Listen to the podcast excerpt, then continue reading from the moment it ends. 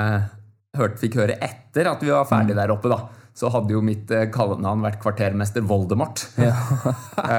Har du noen eksempler der? For Gjerne ta oss gjennom hvordan Hvordan kommer man dit? jeg,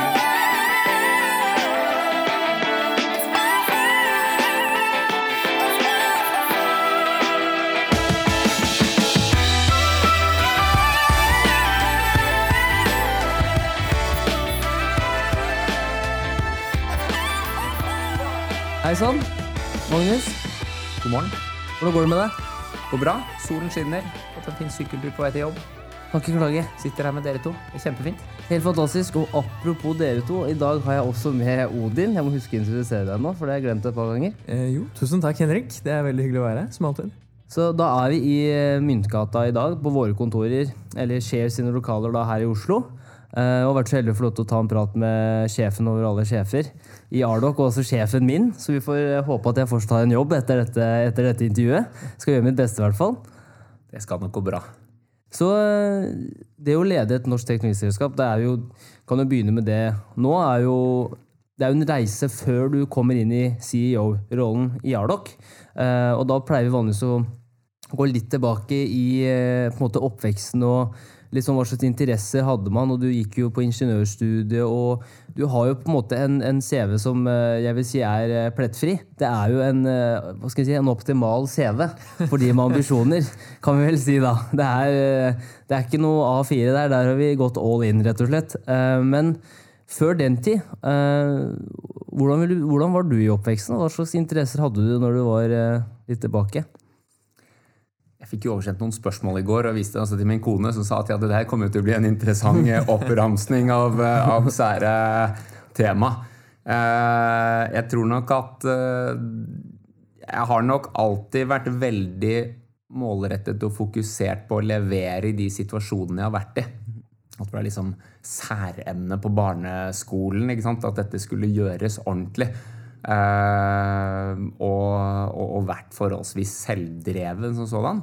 Eh, når jeg ser tilbake på tidlige interesser altså Jeg har jo en, eh, en far som er en meget teknologiinteressert sivilingeniør, og fikk vel for så vidt vite at jeg kunne velge fritt i utdanningslinjene fra NTNU. Lenge endt opp med sivingring. Ja. Eh, og, og, og, men, men stilte jo også opp ved siden av med mye inspirasjon rundt det. Da. Så jeg hadde vel egentlig hele Lego-teknikk-kolleksjonen da jeg var en åtte-ni år og lærte å bygge girkasse. Eh, det syns jeg var veldig moro. Jeg var eh, ordentlig dypt interessert i, i romfart. Som eh, i disse dager med Elon Musk er jo blitt litt kulere, men det var ikke nødvendigvis like kult tidlig i tenårene. Men eh, altså, alt fra månelandingene til raketteknologi og gadgets. Det er mye, mye moro å ta der. Ja. Eh, så kan vi for så vidt spare historien om, eh, om min deltakelse på International Space Camp til eh, neste episode. Yep. Men uh, dro dit som, som 16-åring, og det var en stor opplevelse. Ja. Jeg husker jeg så, så et bilde derfra. Da sto du på baksida, var det ikke det? Hvis jeg husker riktig. Jeg så et bilde som du viste oss. Du, vi hadde jo uh, To the Moon-party her hvor vi også i, i Share og Mardok delte litt av erfaringene våre. Så da hadde vi jo skaffet eh, litt sånn polyester astronautdrakter til noen av oss. Ja. Eh, og da kunne jeg også si til forsamlingen at det er ikke, det er ikke første gang jeg har på meg eh, den type kostyme, da. Nei. Men det var 20 år siden sist. Ja. Eh, så, så ja, det temaet passet meg godt. Det var noen minner tilbake der. Apropos det, hvor gammel er du nå, egentlig? Jeg er 36. 36. Så han er jo 36, men har en CV som han skulle vært 45. Ja, det var er jo, det jeg tenkte har gjort ganske, ganske mye, så vi, vi kan jo egentlig bare hoppe rett ut i forhold til eh, La oss si videregående, da. Så er jo det en tid hvor veldig mange er altså Man er jo egentlig usikker på hva man har lyst til å gjøre med livet sitt egentlig hele livet. veldig mange i hvert fall. Men eh, på videregående, hva, hva slags tanker hadde du da? Hadde, visste du på en måte at siden det kom fra faren din, du kan velge hva du vil så lenge du får den ringen. Eh, innenfor ingeniørstudiet, hva, hva, hva slags tanker hadde du? Jeg hadde også en, eh, en bestefar som var, eh, var veldig interessert og på, så, og de bodde jo i Trondheim. Så der fikk jo jeg utsendt avisklipp med nyheter om NTNU og NTH-studenter. og og, og fikk liksom fòring derfra også, da. Så, så der ble jo jeg på en måte vist den linjen som het industriell økonomi veldig tidlig. Som er da en kombinasjon av både ingeniør- og økonomistudier eh, som, som fremsto veldig spennende for min del. Så jeg var vel egentlig innstilt på å begynne der allerede før jeg begynte på videregående. Eh, Det som var nyttig med det, var å vite at ok, her krevdes det eh, skyhøye karakterer for å komme inn. Men eh, det var bare å brette opp ermene og gi gass, det. Ja. Du tok en tur innom Forsvaret òg.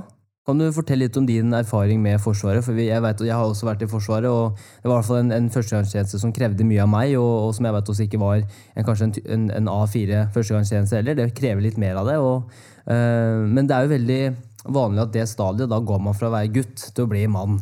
Måte, man går gjennom veldig mange eh, hva skal man si, øvelser og, og prøver da, som, som viser at du er mye sterkere enn det du tror. Eh, Men hvordan var det for deg? For du var jo faktisk i Kystjegerkommandoen. Jeg hadde egentlig tenkt å søke meg til Forsvarets uh, etterretningstjenesten sitt russiskkurs. Uh, var veldig innstilt på det, rett og slett fordi både læringsmuligheten og de utfordringene som det ville gi, og så viste det at dette gikk bare annethvert år, og jeg var uh, feil år. Ja. Eh, Så når jeg først da hadde innstilt meg på å liksom gjøre noe mer enn førstegangstjenesten, så ble jeg sittende og se på ulike befalsskoleretninger. Og kystjegerlinjen så veldig krevende og spennende ut. Så må jeg jo si at jeg hadde jo ingen anelse om hva jeg gikk til. Ja. Det gjelder vel sikkert mange som sitter og tar de valgene her. Men eh, var på opptak eh, 2003 og hadde to veldig bra år i Forsvaret. Det var klart at liksom det å både få slipt ned en del særegne trekk ved seg selv, bli Måtte jobbe i team sømløst, komme og leve tett på andre.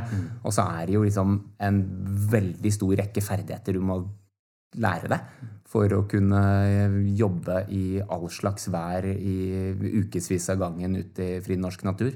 Så det er klart at når man ser tilbake på det 15-20 år senere, så er det jo klart at da er jo alle minnene bare gode. Der og da er det ganske mye som er krevende, men, men det gjelder jo det meste her i livet. Noe av det man lærer å vokse mest på, det er noe av gjerne de mer krevende tingene man gjør. Så for meg var det to år jeg setter veldig stor pris på å ha fått med meg. Det var eh, både de menneskene jeg fikk være på Kystjegerkommandoen med, og, og holdt kontakt med mange av dem siden òg, fra befalsskoleklassen, og også bare det jeg som person måtte lære meg for å komme gjennom. Jeg tenker litt på det med organisas øh, organisasjonsstruktur i Forsvaret kontra nå som du jobber i en startup scale-up. Det vil være veldig annerledes. Men øh, hvordan ser du på det å komme fra altså både Forsvaret og senere PwC, som vi skal snakke mer om, og inn i en startup og organisere det? Det er et godt spørsmål. Jeg tror det er mye av eh, det er, det er mye av tankegodset fra å lede i Forsvaret som er bra. Det er også mye du må legge igjen. Ja. Som ikke hvis, hvis noen av de som lytter på nå, tilfeldigvis var på KJK i 0405, så, så var jo da det jeg lærte hørt, Fikk høre etter at vi var ferdig der oppe, da. Så hadde jo mitt eh, kallenavn vært kvartermester Voldemort. Har du noen eksempler der? For gjerne ta oss gjennom hvordan Hvordan eh, kommer man dit? Jeg kjenner jo Magnus Valmot, eh, leder av, eh, på en måte av, av Ardok, og du er jo en kjempefin fyr og masse empati. og det er jo, Han er jo du er en jeg ser veldig stort opp til. Men, men, eh, men gjerne ta meg igjennom. Det er noen steg mellom noen steg, Lego, yes. teknikk og Voldemort. Gjerne vis oss litt sånn eh, Gi oss noen eksempler på, eh, på måte, ja, hvordan torturerte du dine, dine soldater? Jeg tror, det, jeg tror det, ble, det ble forhåpentligvis gjort med et lite glimt i øyet og, og omsorg, men ja. så ordet torturere er, eh, tar litt hardt i. Men, men det var litt sånn tilbake til Jeg er skrudd sammen på en sånn måte at når du skal gjøre noen ting, så skal det gjøres ordentlig. Ja. Og hvis folk er i en situasjon og ikke gjør det ordentlig, så er det ikke godt nok. Eh, og da kan jo du ta det enten i forhold til forberedelser man har gjort av vedlikehold av utstyret før du skulle på en øvelse. Du vet at du betaler prisen for å ha med deg utstyr som ikke virker ute i felt. Så det skal være i orden. Og det er f.eks. da når du kom tilbake etter en dag på skytebanen og våpnene skulle pusses, så tror jeg eh, da var det noe som liksom het det, det befalet som skulle inspisere at våpnene var vedlikeholdt og tatt godt vare på før de ble satt i, på lager etterpå. Eh, Da var det nok meg de ønsket minst av alle at skulle gjøre den jobben. For da visste jeg at det kunne fort gå over midnatt før disse 60-80 soldatene fikk, eh, fikk lov til å gå av. Ja. Og jeg brukte også metoder som at liksom ingen er ferdig før alle er ferdig. Eh, som noen syns altså, det var, Jeg vet ikke om noen syns det var bra heller, men det vil i hvert fall si at da er man i samme båt. Ja. Og jeg gikk ikke hjem før nå de andre heller. Nei. Så dette med å liksom gjøre ting ordentlig, gjør det meste ut av situasjonen du er i, var nok det som eh, drev det litt dit. Og så var nok jeg også eh, ivrig på å gjøre en god jobb, og det, det tok oss dit, da. Ja. Men eh, det ble Det var veldig moro å møte disse kystjegerne på, på byen og senere år etterpå, for da kom jo alle historiene. Ja. Så må jeg jo si at jeg har jo akkurat de samme historiene fra min befalsskole. Og det er jo gjerne de litt sånn herre ja, det er de litt eh, rare responsene når du liksom blir eh, skjelt ut for det er en sprekk i doen og sånn type ting. Det, er det, det er det du liksom ser tilbake på som liksom merkverdig og litt eh, artig. Der og da kan det være litt kjipt, men Ja. Men det å, det å lede med eksempel, er jo, og det du er, er du kjempegod til, men det å liksom, når du først skal gjøre noe, så skal det gjennomføres ordentlig. Eh, har det vært noen forbilder gjennom livet ditt i oppveksten som har gjort at du har sett viktigheten av det? For det er jo eh, jeg, tror kanskje for oss da, er det, en, en, eh, det er jo på en måte en selvfølge at ting skal gjøres ordentlig. Du skal jobbe hardt og du skal gjøre deg fortjent til ting. Men har, det, har, du, har du alltid vært sånn, eller har det vært noe du har lært gjennom da Kanskje før Forsvaret, fra foreldrene dine. altså Hvor kommer det her fra? For det er jo ikke noe som, det kommer jo ikke naturlig for alle. jeg, tror ikke, liksom, jeg skal ikke gå inn på noen enkeltnavn her, men jeg har, jeg har alltid vært fascinert av de som har gjort litt ekstraordinære ting. Eh, på barneskolen så hadde vi en klasseforstander som var eh, på det tidspunktet Norges beste triatleter. Som, som var en sånn derre Som inspirerte meg til liksom eh, og, og den type trening. Da kunne begynne å tenke og jobbe på den måten. Eh, og sammen med folk som liksom hadde gjort spesielle ting, enten det var politikk eller det var akademia, eller for den saks skyld også liksom gått inn og gjort veldig tøffe militærtjenester. Eh, så jeg tror liksom har, har plukket litt ulike forbilder og rollemodeller i forskjellige arenaer. Eh, ikke noe sånn én enkel ting som peker seg ut. Men er nok litt sånn Feil å bruke ordet tiltrekker, men men jeg har sett opp til mennesker som har fått til mye. Eh, rett og slett, og det kommer av dedikasjon, og det kommer av et ønske til å få gjort det som kreves. Uh, og det matcher jo ganske bra med det vi, vi bygger her òg, da. For det er beintøft. Ja, det er, og det er det jo. Det er jo, det er jo jeg sier på en måte at det er litt sånn Hvis man skal bli verdens beste på noe, da, så kan man ikke gjøre, gjøre det som alle andre gjør. På en måte Da må man alltid se de, Det er ligger i de små detaljene. Man må gjøre alltid noe mer da, enn bare det som kreves. og på en måte, Kanskje vi skal hoppe rett ut, Odin, men litt sånn, den overgangen da, fra når du etter ingeniørstudiet på en måte du begynte å jobbe i PwC, og så CSN tidligere, men, men, men, eller etter det, men hvordan var den overgangen fra å skulle jobbe for større eh, selskaper med på en måte tusenvis av ansatte til å plutselig skulle bli CEO i Ardoc. Og plutselig så er det ingen måte, det er ingen bruksanvisning som ligger der. og bare sånn gjør du det, og så gjør du det, og så gjør du det, og så har du et perfekt teknologiselskap. Hvordan var den overgangen der? Jeg tror i forhold til, og ikke bare lederrollen som jeg har, men lederroller generelt, det å være naturlig skrudd sammen sånn at man tar ansvar, eh, ønsker å jobbe sammen med andre med å løse krevende problemstillinger, og også en evne til å bare stå i det over tid, er liksom noe av det som må ligge til grunn her.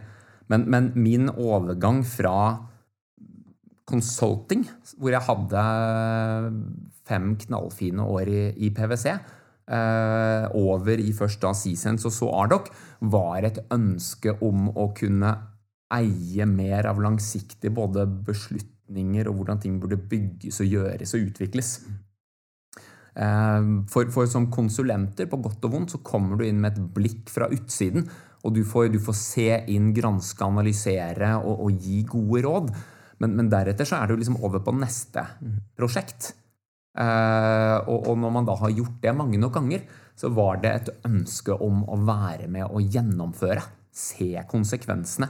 Funket det vi sa burde gjøres? Eh, Funket det ikke? Og i så fall, minst like interessant, hva var læringen? Som vil si at jeg hadde lyst til å ta steg to, tre, fire, fem, seks og syv også, Ja. eh, som ledet meg i den retningen her, da.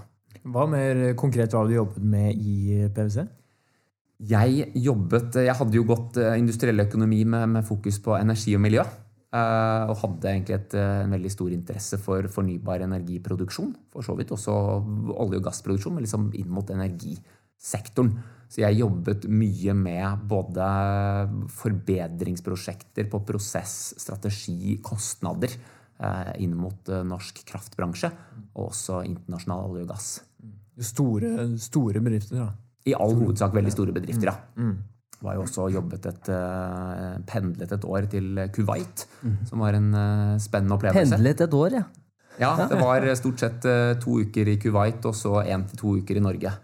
Eh, Men i motsetning da, til de som jobber i norsk oljebransje, så hadde ikke jeg frineve hjemme. Nei. Jeg jobbet ute, og så jobbet jeg hjemme. Ja. Men, eh, men eh, liksom det er eh, en, en veldig spennende kulturell opplevelse. Ting er annerledes, men det å oppleve verden er, eh, og at, at eh, folk er forskjellige og tenker forskjellig, eh, var alt i alt veldig positivt. Ja. Hvordan, hva, hva vil du si er de største læringene du har gjort deg etter å ha jobbet fem år i PwC? For jeg vet at det er sikkert også veldig mange av lytterne våre som også på en måte begynner først i større eh, altså corporate selskaper for å på en måte få den erfaringa, knytte det nettverket. Eh, hva var de viktigste erfaringene for deg? Jeg tror man Du blir jo veldig eksponert for, for eh, prosjektmetodikk, som vil si at det er en problemstilling, en, en problemdefinisjon som noen har satt opp, som, som kanskje må utvikles og dykkes videre ned i. Og så har du liksom et løp på alt fra to uker sant, til ni måneder på hvordan skal vi skape den løsningen, eller definere den løsningen som virksomheten trenger. Så prosjektledelse og prosjektstyring fra start til slutt blir man god på. Så er jo dette selskaper som har et, et, eh, veldig høyt kvalitetskrav, som liksom medfølger det stempelet som disse har i boka. Som vil si at du, du legger lista høyt da, for gjennomføring. Og, og bare sånn enkle leveregler som at liksom, tidsfrister er hellig. Eh, det blir liksom prentet inn i det. Ja. Så det er jo veldig sterke fagmiljøer hvor man får lære mye. Mm. men at konsulentrollen også har en del begrensninger, som også var liksom grunnen til at jeg tok steget ut. da.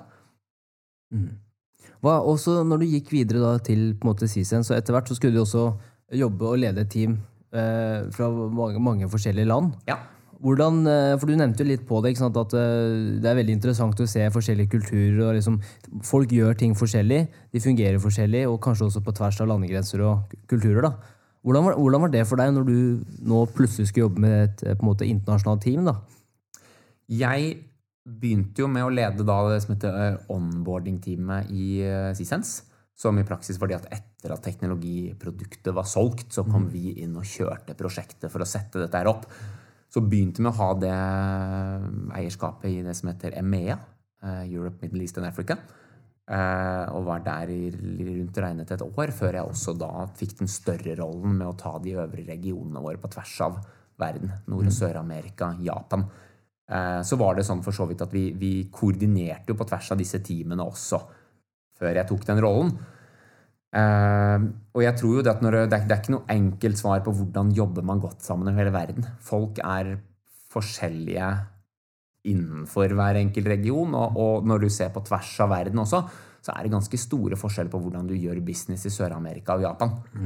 Det vil si at i den grad at man skal standardisere ting eller jobbe likt, så, så må det også legges inn litt, uh, kall det um, flavor, Ja. for å gjøre dette her relevant og riktig. Hvor var det du jobbet fra da? Var det fra Oslo? Satt i Oslo, så jeg var jo da jobbet eh, i all hovedsak her, og også litt, eh, litt samarbeid mot USA og New York. Men eh, det å da bruke de verktøyene som vi sitter og bruker i midt i covid-19, har egentlig vært det som business as usual de siste fem årene. da. Du har blitt litt vant til det, rett og slett? Var forberedt på det? Ja, og, og for så vidt altså utfordringen eh, En veldig sånn Igjen på å jobbe tvers av verden. Når du har teammedlemmer i Singapore, Japan, Europa, Latin-Amerika og USA, da begynner du også å gå tom for tidspunkter som alle kan møte samtidig på. Jeg tror altså det eneste fungerende tidspunktet var norsk tid mellom 11 og 12 på natten. Da kunne vi liksom fange opp alle. Så det var uh, grytidlig et sted og knallsent et annet. Uh, men, men, det er jo sånn, uh, skal man jobbe på tvers av verden, så blir det fort sånn. Så må man nok etter hvert som liksom selskaper vokser internasjonalt, så må man jo lage seg strukturer der. Mm. Ulike geografi kanskje jobber i ulike tidssoner eller grupperinger, men ja man får det til hvis man bare legger med godvilje. Mm. Ja, og så var det jo over på Ardoc etter Seasense. Det ligner jo mer eh, enn det PwC gjorde, kanskje. Når var det du kom inn i Ardoc? Jeg kom inn i Ardoc eh, Jeg begynte jobben min nå 1.6.2017. Mm. Hvor mange var det i Ardoc da? Da var vi ca. tolv ansatte. 12, ja. Og nå er dere? Nå har vi krysset 70. Mm. Vi vokser vel etter hvert ganske fort mot, eh, mot 80. Mm. Så det er to litt uh, forskjellige selskaper. Mm. Hvordan hørte du om Ardoc, forresten? Første gangen, Hva var ditt første møte med jeg antar at var det Du møtte, møtte Magnulf og Erik var det i Forskningsparken? Du kom på besøk og sa hei, eller hvordan var det dette? Hvordan utfalte dette seg? Du, er En av våre største investorer og han som for så vidt var i ferd med å ta over som styreleder, Geir Førre, mm -hmm. var han jeg kom i eh, kontakt med. Og møtte han i Forskningsparken, i bakeriet, for en kopp kaffe. Mm -hmm. Hvor han vel innledet med å si at han, eh, han var investor i et, et dokumentasjonsselskap hvor jeg var uh, takket for mer eller mindre for arbeidet med å takke for uh, kaffen. Og, ja. men, men uh, Geir er jo en av Norges ledende investorer, har bygget mm. flere ordentlig spennende selskaper. Også en type som at når han inviterer på en prat, mm. så, så, tar man en prat. Han er jo helt rå. Altså, og, og, så, og, både litt sånn nysgjerrig av natur også, så ble jo jeg med ned, møtte da Erik og Magnulf. En halvtime ut i den praten, fikk se mhm. det kontoret vi da satt i Forskningsparken. og og forsto at liksom, ok, Du kan jo godt beskrive det som en dokumentasjonsplattform, men det kan man jo kalle for så vidt uh, hva som helst. Mm. Uh, og det de hadde bygget rundt gravteknologi i kjernene med analysemuligheter For min del, det jeg så da, var en plattform som kunne håndtere veldig mange av de utfordringene jeg opplevde som konsulent. Mm i nesten alle prosjektene jeg var på. Og det var hvordan holde en god nok oversikt på hvordan forretningen din er skrudd sammen. Med IT-systemer, hvilke data du bruker og har og lagrer, hvor de er laget, hvordan de understøtter forretningsprosessene, hvilke mennesker som eier dette her, og hvordan det knyttes opp mot strategien din. Dette her er i all hovedsak masse Excel og PowerPoint og Visio-dokumenter som i løselig grad henger sammen og i stor grad er utdatert. De mm. aller fleste virksomheter. Som konsulent, da, når du møter det landskapet, her, så er det første du må gjøre, liksom finne ut hva er det beste vi har, og så må du gjøre titalls intervjuer for å finne ut hva vi faktisk gjør. Mm. Så her var jo liksom litt sånn holy shit moment når hun sa at denne plattformen kan faktisk på en smart måte sørge for at du kan trekke alle disse linjene hvordan henger ting sammen? Med bruk av automasjon så kan du holde det levende, sånn at konsulentteamet som kommer to år etter det forrige konsulentteamet, ikke trenger å begynne på nytt. Mm. Og enda mer spennende å kunne gi innsikten til resten av organisasjonen på, på hvordan er det, hva skal de ta høyde for når de planlegger endring. Eh, nå blir jeg veldig entusiastisk her. Ja, ja, men Det er bra. Det her er det som man kaller for enterprise architecture. ikke sant? Mm -hmm. Det stemmer. Altså Hvordan ting henger sammen. Og hva er konsekvensen av endring? Mm. Når alle snakker om digital transformasjon, så er det jo egentlig dette vi snakker om. Uh, så dette er litt sånn hidden gem som, som vi ser nå begynner virkelig å komme på radaren. For altså når, når de sier at 70-80% av digitale transformasjonsprosjekter feiler, og det brukes 1000 milliarder dollar i året på dette her, da er det sinnssyke summer som kastes bort. Mm. Eh, det er ikke sånn at vi er løsningen på alle de utfordringene der, men det er en del fundamentale problemer med å ikke vite hvor du starter når du legger ut på en krevende endringsreise. Mm. Der er vi og jobber for kundene våre. Hva, hva, er den største grunnen i dine øyne til at eh, ja, som du sier, 70-80 eh, ikke håndterer en sånn transformasjon? Nei, vet du, det er, Dette fins det mye data på, både fra Stanford og McKinsey og mange andre. Mm. så, så det er sammensatt. Én ting er at det er, det er, vanskelig å endre bedrifter. Eh, hvis du har satt deg mål som bare liksom den, de iboende strukturen din ikke var mulig å endre på den måten, så blir det vanskelig å komme i gang. Eh, så det er Og, og dere jobber med veldig store bedrifter også, så da er det kanskje enda vanskeligere å skulle gjøre endring? Ting tar tid og sånne ting? Alt, alt det der. Mm. det er for så vidt en lengre samtale. Ja. Eh, som jeg tror det finnes mange egne podkast for også. Men, eh, men, men i hvert fall altså, Det er klart at nå har jo en del av disse tankene her også kommet etter de første 20 minuttene med Magnulf og Erik. da. Men, men det var dette jeg syns jeg så noe tidlig trekk av. Jeg var ikke egentlig på noe jobbjakt når vi kom inn her, men, men fikk møte et team med, med fantastiske fagpersoner med en idé som jeg tenkte og, og forsto kunne forandre, liksom, forandre verden. Du opplevde de pain pointsa som Arlok skulle løse? Absolutt. Eh, og, og, og fikk også da til slutt muligheten til å, å være med og ta ledelse på denne reisen. Så var det Det var ikke mulig å si nei. Nei. Hva slags, hva slags tanker hadde du når du gikk ned den kjelleren i Forskningsparken? Du møtte Magnus. Magnus er jo kjent for sine klemmer. Han er jo kjempe, han er jo så hyggelig når du møter ham første gangen. Han ser hvordan går han der, liksom, han ser deg virkelig, da. Og hvordan var, hvordan var det for deg? For jeg hørte at det ble litt sånn Jens Stoltenberg-Tom Giske-moment. Hvor det var litt sånn klemmen Klemmen var liksom, det var ikke helt synkronisert? Eller hvordan, hvordan var det dette gikk for seg? Nei, Jeg har jo uh, omtalt meg selv gjentatte ganger som the most awkward hugger in Ardoc. Uh, jeg tror det har begynt å komme seg nå etter tre år, og så får vi se da om liksom covid-19 nå avlærer uh, alt sammen. Eh, Nei, det er altså Men, men den, kult, den kulturelle ballasten som lå til grunn for Ardoc, som, som også kommer langt på vei ut av dette konsulentselskapet Miles, som både Erik og Magnulf eh, kom fra før Ardoc, er, mener jeg, liksom noe av det beste vi har. Det å altså, legge ut på en krevende reise sammen, men liksom det å virkelig være der for hverandre. Vi har satt opp verdiene våre som bold, caring and driven. Bold er jo liksom tørre å satse på å forandre verden. Driven er jo at du kreves enormt med gjennomføringskraft for å kunne få dette til. Men caring, som er at vi skal være der for kundene våre, absolutt, men også hverandre underveis, eh, tror jeg er en viktig forutsetning. For dette er en lang reise. Og, og det å ha mennesker side om side som står rundt deg og backer deg og, og får dette til sammen, eh, ja, det er noe av det beste ved oss, vil jeg si. Ja. Og det, det lå der også den dagen jeg eh, gikk inn døra. Ikke bare lå der, men det var liksom i aller høyeste grad levende. Som var noe av det jeg også la merke til med en gang. Ja.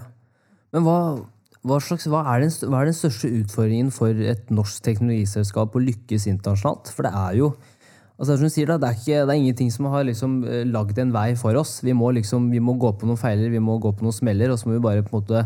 Men hva, spes, spesifikt for Norge, da, hva har vært våre utfordringer når vi skal ut i de store land og, og lykkes? nå er det jo igjen, altså, Jeg er jo ikke en ekspert, ekspert på alle disse tingene. Men, men noe av de tingene jeg har sett, er jo at altså, Norge er et fantastisk bra sted å bygge teknologi. Det er eh, både den kompetansen som er, og det mindsettet folk har om å gjøre ting ordentlig. Eh, vi kan bygge verdensledende teknologi. Det er liksom hevet over enhver tvil. Men jeg tror at når det kommer til å kommersialisere den og bygge strukturene rundt, uh, der har vi en del å lære, kanskje spesielt liksom amerikanere. Hvordan snakker vi om det vi gjør? Hvordan tar vi det ut i markedet? Hvordan selger vi det? Hvordan internasjonaliserer vi det? Eh, og svenskene har jo ligget litt før oss på en god del sånne reiser. De har også et veldig fremoverlent investormiljø. Det begynner virkelig å komme seg i Norge nå. Så jeg tror at når vi ser de neste tre til fem årene og videre også, så, så har Norge veldig gode forutsetninger. Ja. Men, eh, og, og det er jo litt av liksom det jeg også håper at vi får til med Ardoc. Ved at vi og flere av de andre spennende selskapene rundt oss lykkes nå. Lykkes i litt ordentlig skala. Så både viser vi at dette her er mulig, og vi tar mange flinke mennesker med på en reise for liksom de neste 10-50-100 selskapene. Og det å liksom skape den syklusen der, det er, eh, det er kjempespennende. Jeg tenker på den interne kulturen. altså Når du går fra 15 til eh, 80 ansatte, du går fra forskningsparken til eh, London og USA og hele pakka. Ting endrer seg jo veldig. Hvordan har det vært for deg å lede eh, Ardoc gjennom en sånn vekstperiode? du får jo mer avstand. Eh, så underveis så må man jo forsøke å bygge strukturer der du leder gjennom ledere også i flere nivåer. Eh, samtidig er det jo viktig for meg som leder også å prøve å være tett på virksomheten.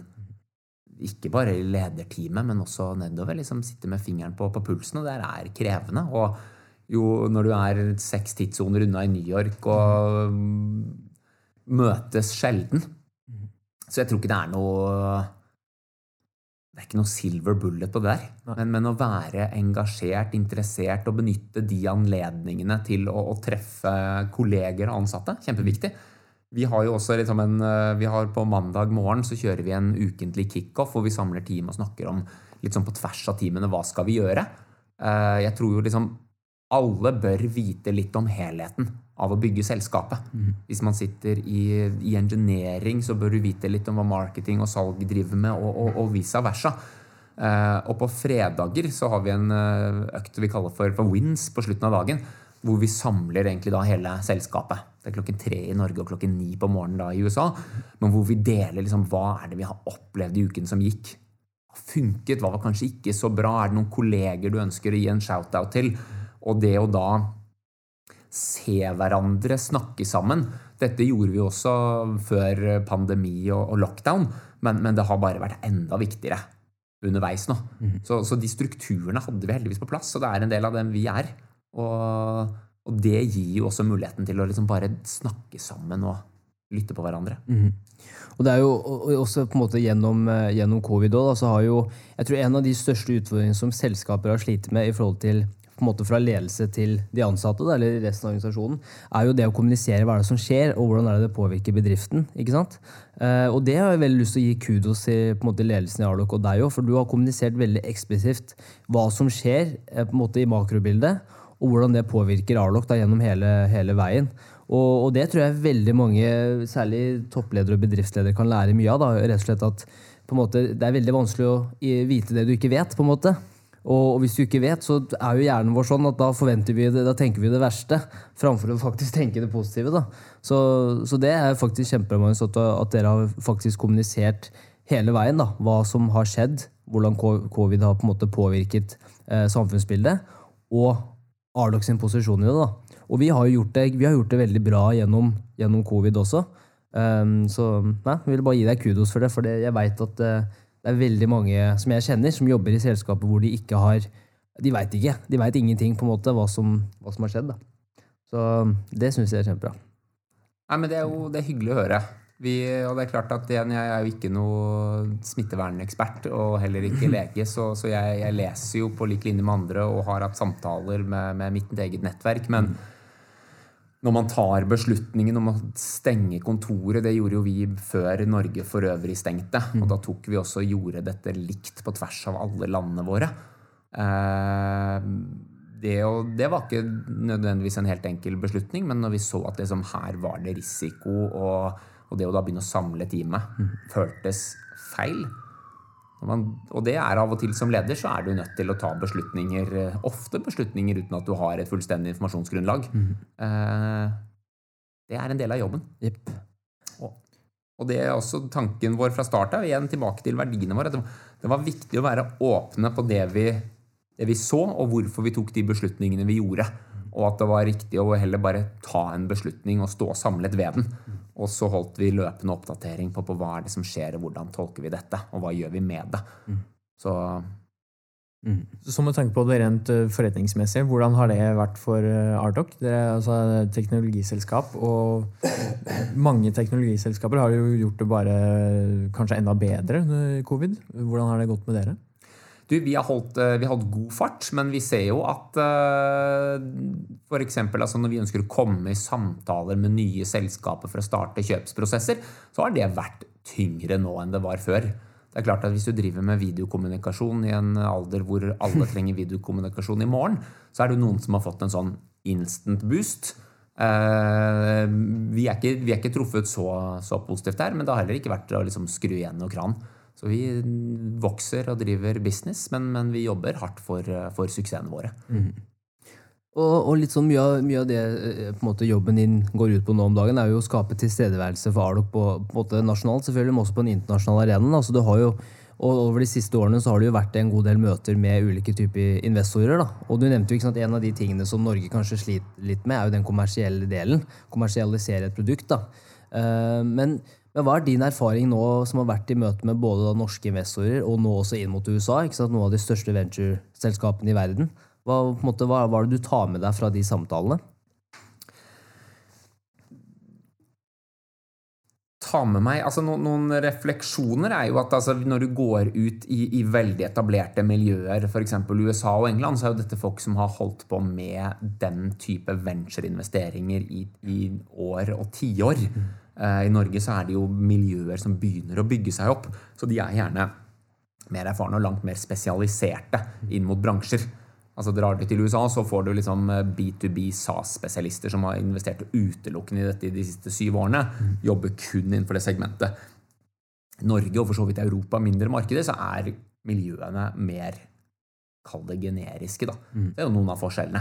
Men, øh, men jeg tror ikke liksom i forhold til, til, forskjeller Du vil jo finne store forskjeller både i USA og, og i Norge, og jeg tenker at øh, det som er viktig å ha med på reisen, er jo de som deler visjonen og målet om hvor du er på vei, og er, eh, ønsker, å, ønsker å delta mm. aktivt. Ja. Og, og eller, på en måte, jeg vil si, Hovedkonkurrenten vår nå, da, for nå er det jo det er veldig, sikkert veldig, mange, veldig få som vet hvem det er, men det er jo et selskap som heter Linax fra Tyskland. Og, og de henta jo nå hvor, Husker du hvor mye var det de henta? De hentet 80 millioner dollar. 80 millioner dollar.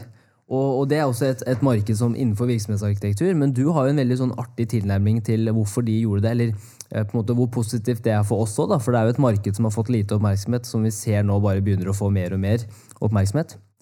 Du, altså det er klart at Å ha en konkurrent med fryktelig mye penger kan jo være en, en utfordring for de aller fleste.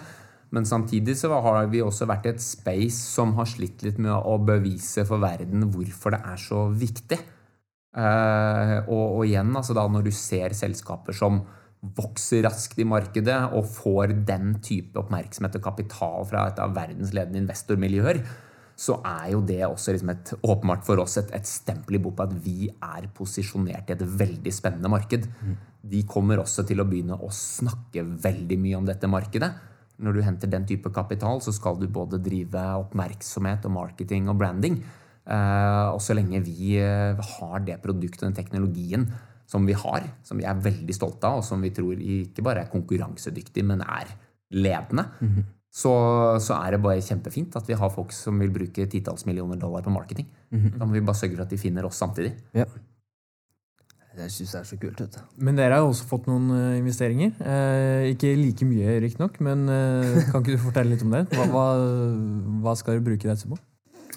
Vekst. Vekst. Det er Hvordan skal dere gjøre det? Du, vi har jo en, altså For det første så investerer jo vi fortsetter vi investerer mye i teknologien vår. Eh, teknologi og, og, løsningslederskap er til syvende og sist det som gir deg eh, markedslederskap også. Eh, så den har vi en, en, basisinvestering som går, og veldig ambisiøse planer for fremtiden. Som knytter seg opp mot liksom, hvordan vi kan bygge en digital tvilling av organisasjonen og virksomheten din mm. med et litt sånn manøvrerbart kart. Hva skjer hvis? Og så har du performance-data inn i dette kartet, sånn som Google Maps. Så er det jo klart at Det vi også skal investere og bygge mer i, er organisasjonen og teamene våre. De som tar med produktet ut i markedet. Marketingapparatet som gjør oss kjent for de riktige målgruppene i de riktige markedene. Så Det er derfor vi, vi henter penger for vekst. Mm. Det er hele business caset. Og det, også, det, som er litt interessant, er at En av de investorene vi har fått med på laget, er jo Bertel Steen sitt familie, eller på en måte family office. Ja.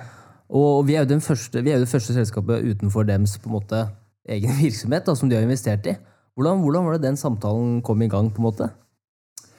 Den samtalen eh, kom jo for så vidt også via det norske investornettverket. Det er jo ikke så veldig stort. Nei. Eh, så vi ble godt kjent med dem gjennom våren.